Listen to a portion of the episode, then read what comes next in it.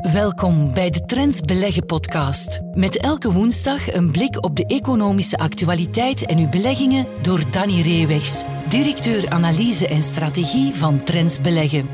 Deze podcast kwam tot stand met de gewaardeerde steun van Keytrade Bank, de onbetwistbare marktleider in online trading in België. Wenst u elke dag via e-mail meer tips en advies te ontvangen voor uw beleggingen en uw portefeuille? Registreer u dan gratis en vrijblijvend op de Trends Geld nieuwsbrief via trends.be/newsletters. Welkom bij de podcast van Trends Beleggen. Aan het einde van de aflevering zal Geert van Erk van Keytrade Bank zoals altijd zijn kijk meegeven op de beurs van de afgelopen weken. Maar eerst spreken we met Danny Reewegs van Trends Beleggen. Dag Danny. Dag chef. Ja, Danny, jij hebt het al in het verleden of de afgelopen weken en maanden al meermaals gezegd dat grondstoffen in de tijden waar we naartoe gaan wel een interessante optie zijn om te overwegen. Um, dus jij hebt er een analyse over geschreven die we kort gaan bespreken. Maar om te beginnen met waarom grondstoffen eigenlijk, zeg jij in jouw stuk, interessant zijn om altijd wel een deeltje ervan je portefeuille aan te besteden. Waarom is dat? Ja, dat is uh, het, het themawoord is hier, het buzzwoord is hier diversificatie, hè, spreiding van uw risico's. Uh, want wat we in de geschiedenis zien, uh, heel vaak is dat ehm, grondstoffen zich heel anders bewegen, dus heel onafhankelijk of veel meer onafhankelijk zijn ja. van andere beleggingscategorieën, waar bijvoorbeeld de rente, obligaties, aandelen speelt toch in zekere zin mee. Er is een, een grotere correlatie daar tussen bijvoorbeeld aandelen, vastgoed, obligaties, omdat ja. het rente-element daarin meespeelt. En dat is ook wel zeker de laatste 15 jaar in enorme mate hebben gezien. Mm -hmm. Zowel de aandelenkoersen als de vast, uh, vastgoedprijzen als de obligatiekoersen hebben allemaal pieken bereikt. En zijn allemaal bijvoorbeeld in 22 allemaal naar beneden gekomen.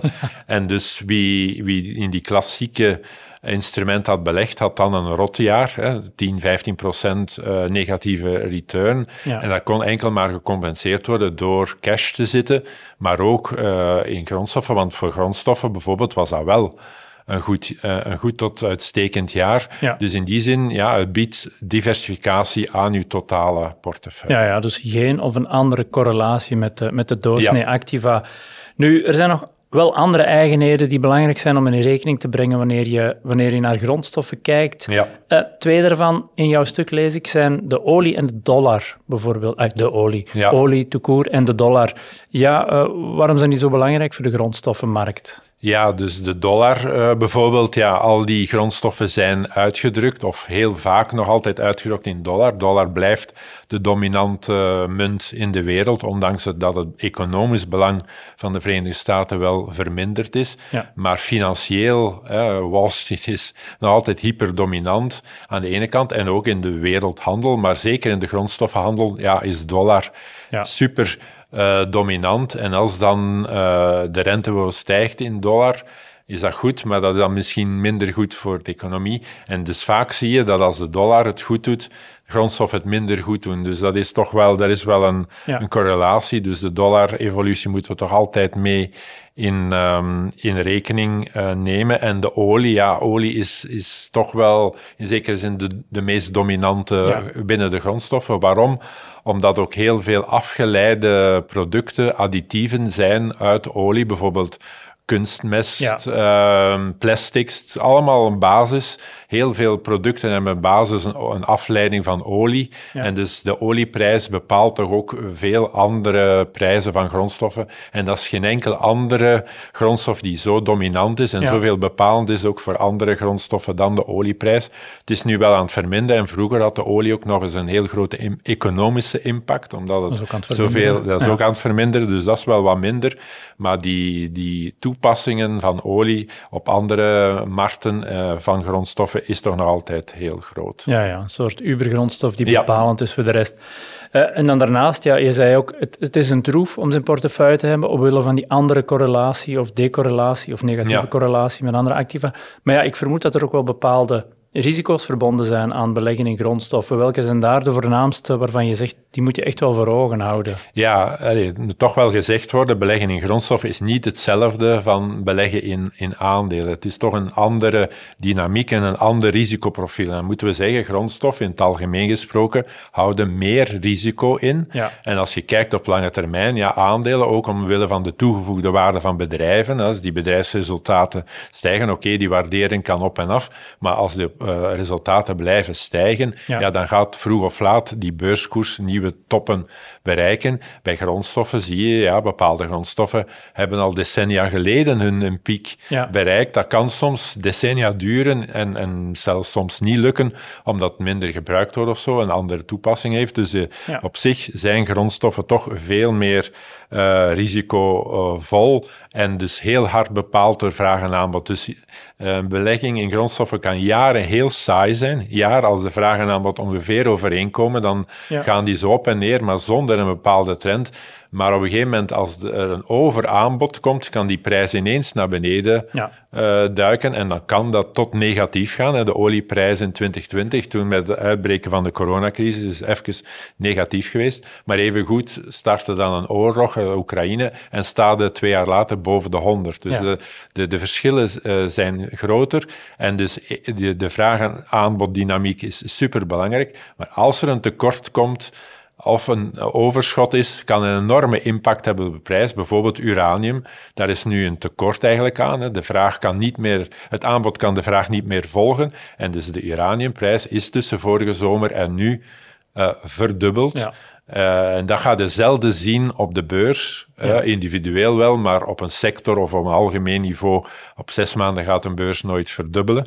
En maar bij grondstoffen kun je dat absoluut voor hebben. Dus de saaie periodes, en dan wordt het super interessant, super boeiend. Maar het is dus toch heel belangrijk en een andere dynamiek dan het beleggen in aandelen. Ja, ja, maar niet echt geschikt voor buy and hold dan, als ik goed Nee, niet voor buy and hold, omdat dus de cyclus, de vraag- en aanbodcomponent te belangrijk is. Eh, grondstoffen kan een bepaalde periode het goed doen, maar dan zal het de volgende periode absoluut terug een slechte belegging zijn. Oké, Ja. perfect. Genoteerd in ieder geval. Dan gaan we naar de aandelen van deze week. Ja. Ehm, En wat eh, voor? Ja, ja, inderdaad. De eerste, ja, we zullen meteen erin vliegen. Lotus, ja, ehm, ja, trof iedereen met verrassing, denk ik. Ja.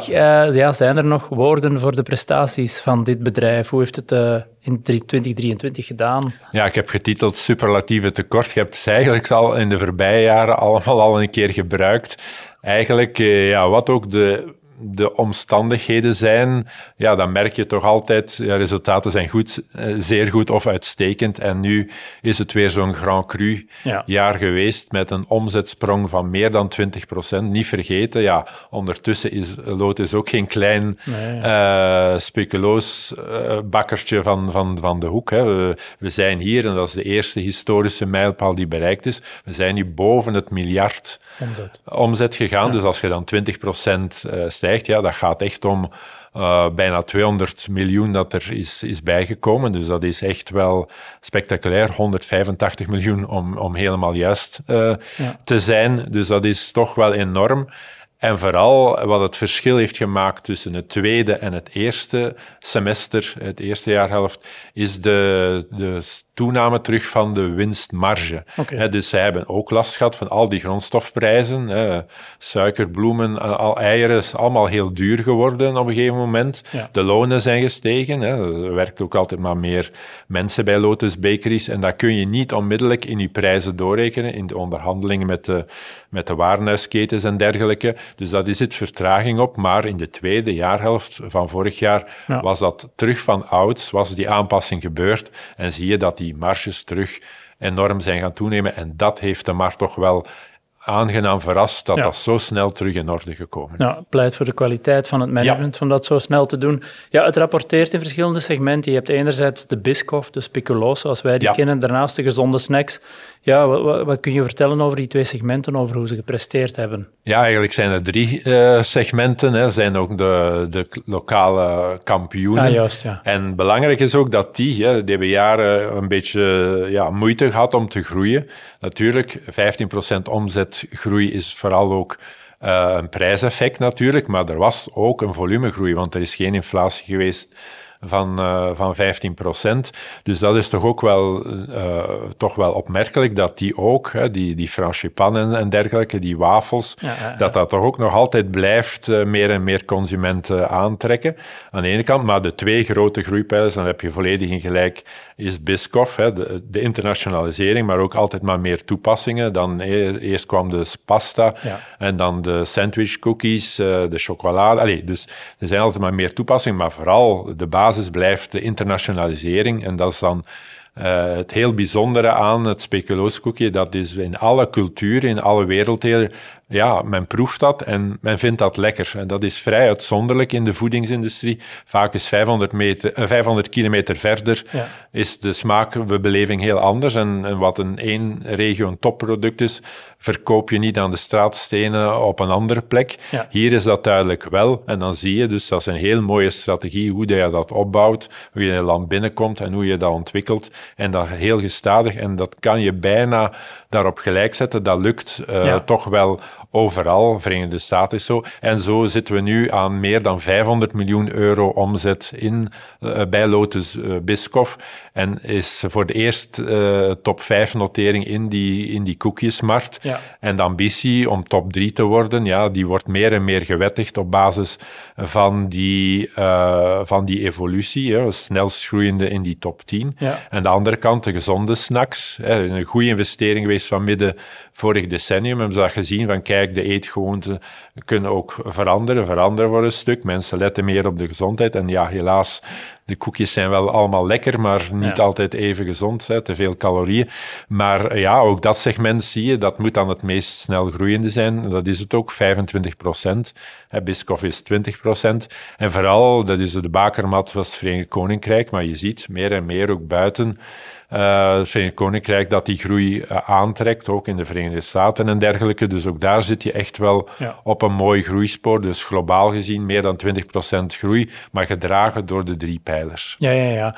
Sprekend over groei, um, heeft het daar nog iets over gezegd? Investeert het bedrijf nog in, in verdere groei en wat kunnen we daar eventueel nog van verwachten? Ja, afgelopen twee jaar is een recordbedrag van 242 miljoen euro geïnvesteerd en desondanks zakt eh, de schuldpositie altijd maar. We zijn nu nog op amper 0,6 eh, keer EBITDA.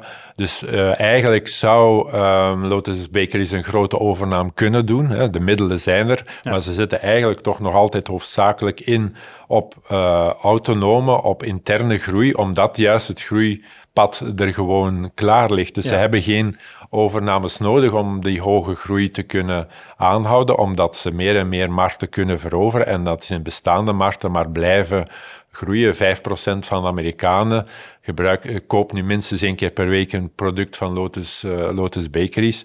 Maar bij ons is dat al 60 procent. Dus allee, er is nog ruimte om te, okay, om ja. te, om te groeien. Uh, en natuurlijk, als je Amerika van 5 naar 6 procent gaat, is dat heel veel koekjes. Dus in die zin ja, is er echt wel marge. En je ziet ook in andere landen dat het meer en meer aanslaat. Dus overnames zijn niet nodig. Het kan perfect.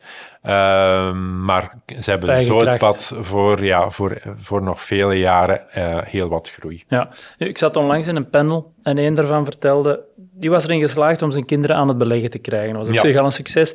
En uh, op een gegeven moment hadden ze wat, wat, wat, geld verzameld en gezegd van wat kan ons volgende aandeel zijn. En de zoon had Lotus op het oog, het stond toen op 6000 euro, maar hij dacht van, dat is toch wat duur. En ik ga wachten totdat het wat zakt en dan kunnen we instappen. Ja, het, is, nooit gezakt. En uh, ja, die heeft waarschijnlijk uh, ja, de koop van zijn leven gemist. Ja, ondertussen zitten we al aan die 9000 euro. Ja, waar kan dit nog naartoe gaan? En, en zijn die waarderingen en die koersen van nu nog, nog te verantwoorden? Ja, dat, uh, dat moeten we zeggen helaas, dat we dat al vele jaren moeten zeggen en schrijven, dat, uh, dat het een duur aandeel, dat is on-Euronext Brussels niveau, hè, 40, 50 ja. keer de winst uh, betalen, 50 keer de verwachte winst. Maar bon, tot nu toe maakt Lotus Bakeries altijd zijn ambities waar. En groeit dat altijd nog sneller dan je had kunnen verwachten en denken. Mhm. En zie je toch ja, dat, uh, dat het verantwoord is. Natuurlijk, op een gegeven moment uh, krijg je een prijzing voor perfectie. Ja. Uh, we gaan zo dadelijk nog zo'n waarde hebben. Maar, maar bon, ja, wie tot nu toe is uitgestapt, omdat ja, het wordt nu wel duur natuurlijk voor een aankoop. Hè, 9000 euro voor één aandeel. Je kan geen half aandeel of een, tiende aandeel kopen op dit moment. Dus dat wordt voor een particulier een heel opgave. En dan gaat hij heel goed moeten nadenken van, ja, doe ik dit? Want ja, dit gaat toch een hap zijn uit mijn uh, aandelenbudget. Uh, dus ja, dat, is, dat wordt stil wel een punt. Voorlopig heeft men nog niet willen uh, een splitsing doorvoeren. En natuurlijk, nu kun je altijd zien, hè, het ooit onder de 50 euro gestaan, nu staan we 9000. Beste ja. belegging op Euronext by far, ja. zonder concurrentie over de afgelopen 25 jaar. Dus in, in die zin ja, is het ook een symbool van, van de pracht en de praal die het aandeel heeft kunnen veroorzaken. Maar ja, het is, het is echt wel uh, duur en eigenlijk geen ongeëvenaard op Euronext Brussel. Ja, ik heb een keer gerekend, uh, moesten we toen 1000 euro erin geïnvesteerd hebben, zou je nu meer dan 200.000 gehad ja, hebben. Dus klopt, kwestie van uh, jezelf een beetje te kwellen. Ja. Nee, goed.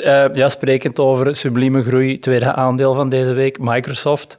Um, ja, niet met koekjes, maar uh, wel even goede resultaten, denk ik. Uh, hoe bracht hij het ervan af? Ook daar uh, weet je hetzelfde verhaal. het is al een gigantisch groot bedrijf en toch kan dat nog altijd dubbelcijferig groeien. Nog altijd de verwachtingen kloppen. Was omzet, kwartaalomzet was 62 miljard dollar, 62. En dat was 900 miljoen ongeveer beter dan uh, analisten vooropgesteld. Nochtans, die kennen ook de kracht. Ja. Uh, en er zitten heel veel analisten op uh, Microsoft. Dus ja, ze, ze, blijven toch nog altijd de groeikracht ja, ja. onderschatten. Ook de winst per aandeel was weer beter dan verwacht. Uh, dus ja, ook dit blijft een, een, een serieuze, serieuze groeimachine. Ja. En is er een beetje zicht op, want AI was het woord van 2023.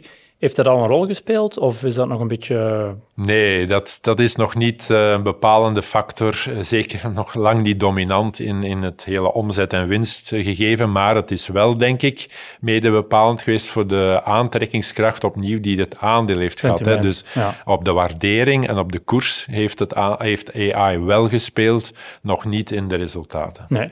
En dan, uh, dus de cloudafdeling was voordien het, de groeimotor ja. voor de groep. Is dat er nog altijd, vermoed ik? Ja, dat is het nog altijd. Ja, blijven geweldige groeicijfers voorleggen. En dan moet je zeggen, ja, kijk, in cloud is Microsoft de nummer één in de wereld. Hè. Zij groeien veel sneller dan de twee grote concurrenten. En dat zijn Alphabet, Google, Google Cloud en dan uh, Amazon met AWS. Ja, dan moeten we zeggen, ja, uh, de platformen ja. op vlak van cloud uh, is Microsoft de dominante factor in de wereld. Ja, en je zei dan net, AI heeft wel voor sentiment en waardering ja. een boost gegeven.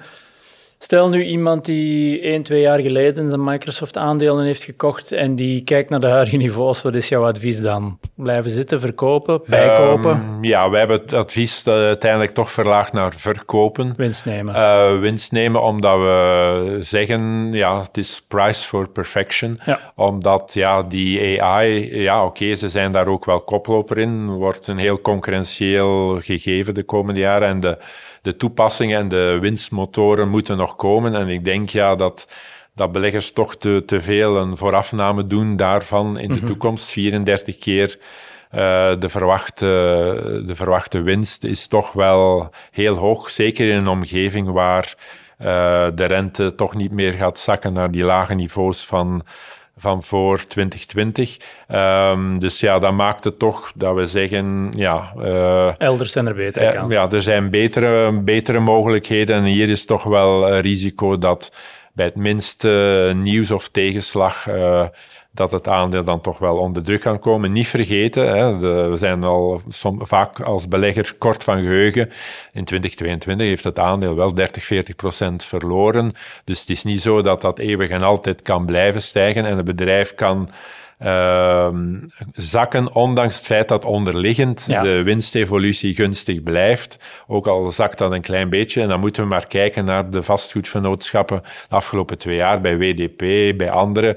Aan dat groeiritme is weinig of niks veranderd. Alleen uh, de koers is veranderd omdat we gaan van overwaardering naar, ehm, naar een meer redelijk of onderwaardering in sommige gevallen. Maar algemeen gezien, ja, uh, dus die, dat blijft een schitterend bedrijf. Daar ga ik niks op afdingen. Maar ja, de koers is gewoon te hard gestegen. Ja, perfect geprijsd. Dus winst nemen. Alvast bedankt voor jouw ehm, tijd en inzichten daarover en graag tot volgende keer. Graag gedaan, tot volgende keer. We luisteren nu naar Geert van Herk, Chief Economist van Keytrade Bank, met zijn analyse op een aspect van de economische actualiteit. Hallo iedereen en welkom bij onze wekelijkse bijdrage aan de Trendsbeleggen podcast. In de podcast van vandaag staan we even stil bij China. U weet het, zonder twijfel, China heeft de afgelopen jaren op economisch vlak eh, zeer zwak gepresteerd, maar ook op beursvlak was het daar denk ik toch geen beurs om over naar huis te schrijven. Als we de beurzen wereldwijd een beetje vergelijken, denk ik dat iedereen het wil weten dat de afgelopen jaren de Verenigde Staten ruimschoots de best presterende beurs waren. Dus er is ook heel, heel veel negatief sentiment rond China, de Chinese economie, Chinese aandelen op dit ogenblik. Op economisch vlak is het, uh, is het groeitempo van de Chinese economie wat op een lager toerental gekomen. Natuurlijk komt dat ook doordat het land veel te veel geïnvesteerd heeft in onroerend goed. Uh, en ja, dat kan natuurlijk niet langer de groeimotor zijn van uh, de Chinese economie. Ook westerse bedrijven hebben het de afgelopen tijd wat moeilijker gehad, wat minder geproduceerd op die Chinese markt. Dus economisch gezien een lager tempo. Op, de beurs, op beursniveau zien we ook dat die ja, Chinese beurs zeer sterk achtergebleven is op de rest van de wereld. En dat voert op dit ogenblik dat negatieve sentiment dat er hangt rond Chinese aandelen. En dat negatieve sentiment weerspiegelt zich op dit ogenblik natuurlijk ook in een zeer aantrekkelijke waardering, een zeer lage waardering als we naar eh, de Chinese beurs kijken. De traditionele parameters zoals de koerswinstverhouding, koersboek, eh, koersboekwaardeverhouding, zien we dat dat een beurs is eh, die nagenoeg elke rangschikking onderaan staat, zeer goedkoop gewaardeerd. Wat natuurlijk ook de verwachtingen uh, zeer sterk de hoogte doet inschieten. Want hoe lager de waardering, hoe hoger het te verwachten rendement op drie en vijf jaar. Dus wat gaan toekijken op wat er de afgelopen weken, dagen gebeurd is op de Chinese beurs, zien we toch een aantal interessante fenomenen. We zien dat er een zeer sterke toename is van de volatiliteit van de Chinese beurs. We bedagen dat de koersen zeer snel dalen, om dan gevolgd te worden opnieuw door zeer sterke stijgingen. Zeker als u eens naar een grafiek kijkt van de Chinese beurs van de afgelopen weken, dan zal u zien dat het zeer stijl naar beneden gaat. Maar de afgelopen dagen is er toch ja, een zeer mooie stijging bezig uh, van die Chinese beurs vanuit uh, oververkochte niveaus. We zien ook dat de beurs steun gevonden heeft op uh, de niveaus van de coronacrisis, dus maart, april 2020 is een belangrijke horizontale steun voor die Chinese beurs. En ze is vanaf die steun opnieuw mooi opgeweerd. Goed, we zien ook dat het aantal aandelen van de Chinese beurs, als we de, de Chinese beurs omschrijven of definiëren aan de hand van de Shanghai Composite Index, dan zien we dat het aantal aandelen met de RSI, en dat is een technische indicator, onder de 30, meer dan 70% bedraagt dat het aantal aandelen dat het laagste niveau bereikt van de afgelopen twaalf maanden van het afgelopen jaar, ook daar zitten we aan extreem hoge niveaus. En die zijn in het verleden telkens samengevallen met belangrijke uh, bodems voor de Chinese beurs. Dus op dit ogenblik zien we ook dat er heel veel aandelen zeer sterk gedaald zijn. We zitten daar op extreme niveaus. En als we kijken een beetje naar diezelfde niveaus in het verleden, zagen we toch telkens dat dat de voorbode was van een trendommekeer op de Chinese beurs. Dus opnieuw, dat is op korte termijn denk ik een belangrijke indicator uh, om toch wat, ja, wat positiever of ja, laten we zeggen een beetje ook contra, contrair te denken over die Chinese beurs. En tenslotte zijn er ook nog een aantal politieke initiatieven. Want natuurlijk, ja, de Chinese overheid, die toch die belangrijke economie een beetje aanstuurt, zou natuurlijk ook, als we de persberichten mogen geloven, erop aansturen om de Chinese beurs te gaan ondersteunen er zou opdracht gegeven zijn aan een aantal nationale investeringsmaatschappijen om Chinese aandelen te beginnen kopen, om zo de Chinese beurs te ondersteunen. Dus voilà, we zien op dit moment een aantal zeer, denk ik, technische indicatoren die erop kunnen wijzen dat de Chinese beurs uh, aan de vooravond staat uh, van een trendommekeer. Die trendommekeer is misschien al ingezet op de korte termijn. Dus ik denk dat het zeer uh, de moeite loont om de komende weken en maanden die Chinese beurs in de gaten te houden. Investeringsopportuniteiten of beleggingsopportuniteiten, ja. Ik denk dat dat zeer gemakkelijk is. U kan vandaag een dag en de dag een trekker kopen op de Chinese beurs. U kan ook een trekker kopen op de uh, emerging markets, de groeilanden. Uh, als we de MSCI Emerging Markets als onderliggende index nemen, dan weten we ook dat de Chinese beurzen, de Chinese aandelen, daar een belangrijk gewicht in hebben, het grootste gewicht voor andere groeilanden zoals India en Brazilië. En op de koop u krijgt u er dan ook nog eens natuurlijk India en Brazilië bij. Dat zijn toch een aantal groeilanden die de afgelopen tijd ook sterk gepresteerd hebben. Kijken we een beetje ja, in de Benelux naar onze eigen uh, beurzen, dan zien we dat er natuurlijk in Nederland de mogelijkheid bestaat om via Prozus deel te nemen aan een herstel van de Chinese aandelen. Dus dat was het voor deze week. Hou zeker uh, China in de gaten. Zeer negatief sentiment. Iedereen keert zich af van Chinese aandelen. Weerspiegelt zich op dit moment in een zeer aantrekkelijke waardering voor de Chinese beurs. En als we echt puur op, beetje op korte termijn denken, dan zien we dat er de afgelopen tijd ja, een ommekeer geweest is.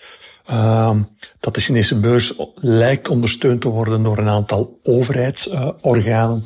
en dat er ook een soort van capitulatie geweest is, dat er heel veel aandelen sterk oververkocht zijn, op uh, het laagste niveau staan van uh, de afgelopen twaalf jaar.